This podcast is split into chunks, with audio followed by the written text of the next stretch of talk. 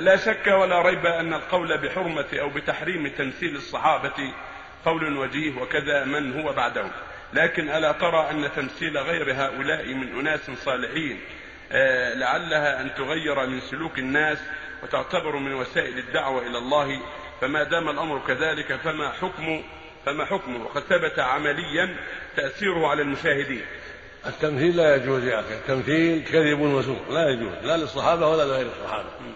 والذي كفى الأولين يكفي التالي الذي كفى الأولين من هذه الأمة يكفي الآخرين.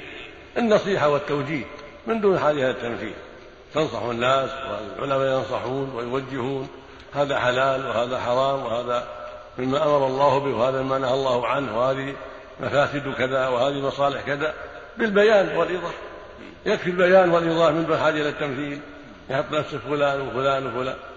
يكذب يحط نفسه عمر وليس بعمر يحط نفسه شيخ الإسلام ابن تيمية وليس كذلك يحط نفسه ابن عبد السلام وليس كذلك يحط نفسه الشافعي ولا مالك وليس كذلك أو يحط نفسه أبو جهل أو عتبه بن ربيعة أو أبو لهب يثبت الناس بالكفرة كل هذا منكر. نعم.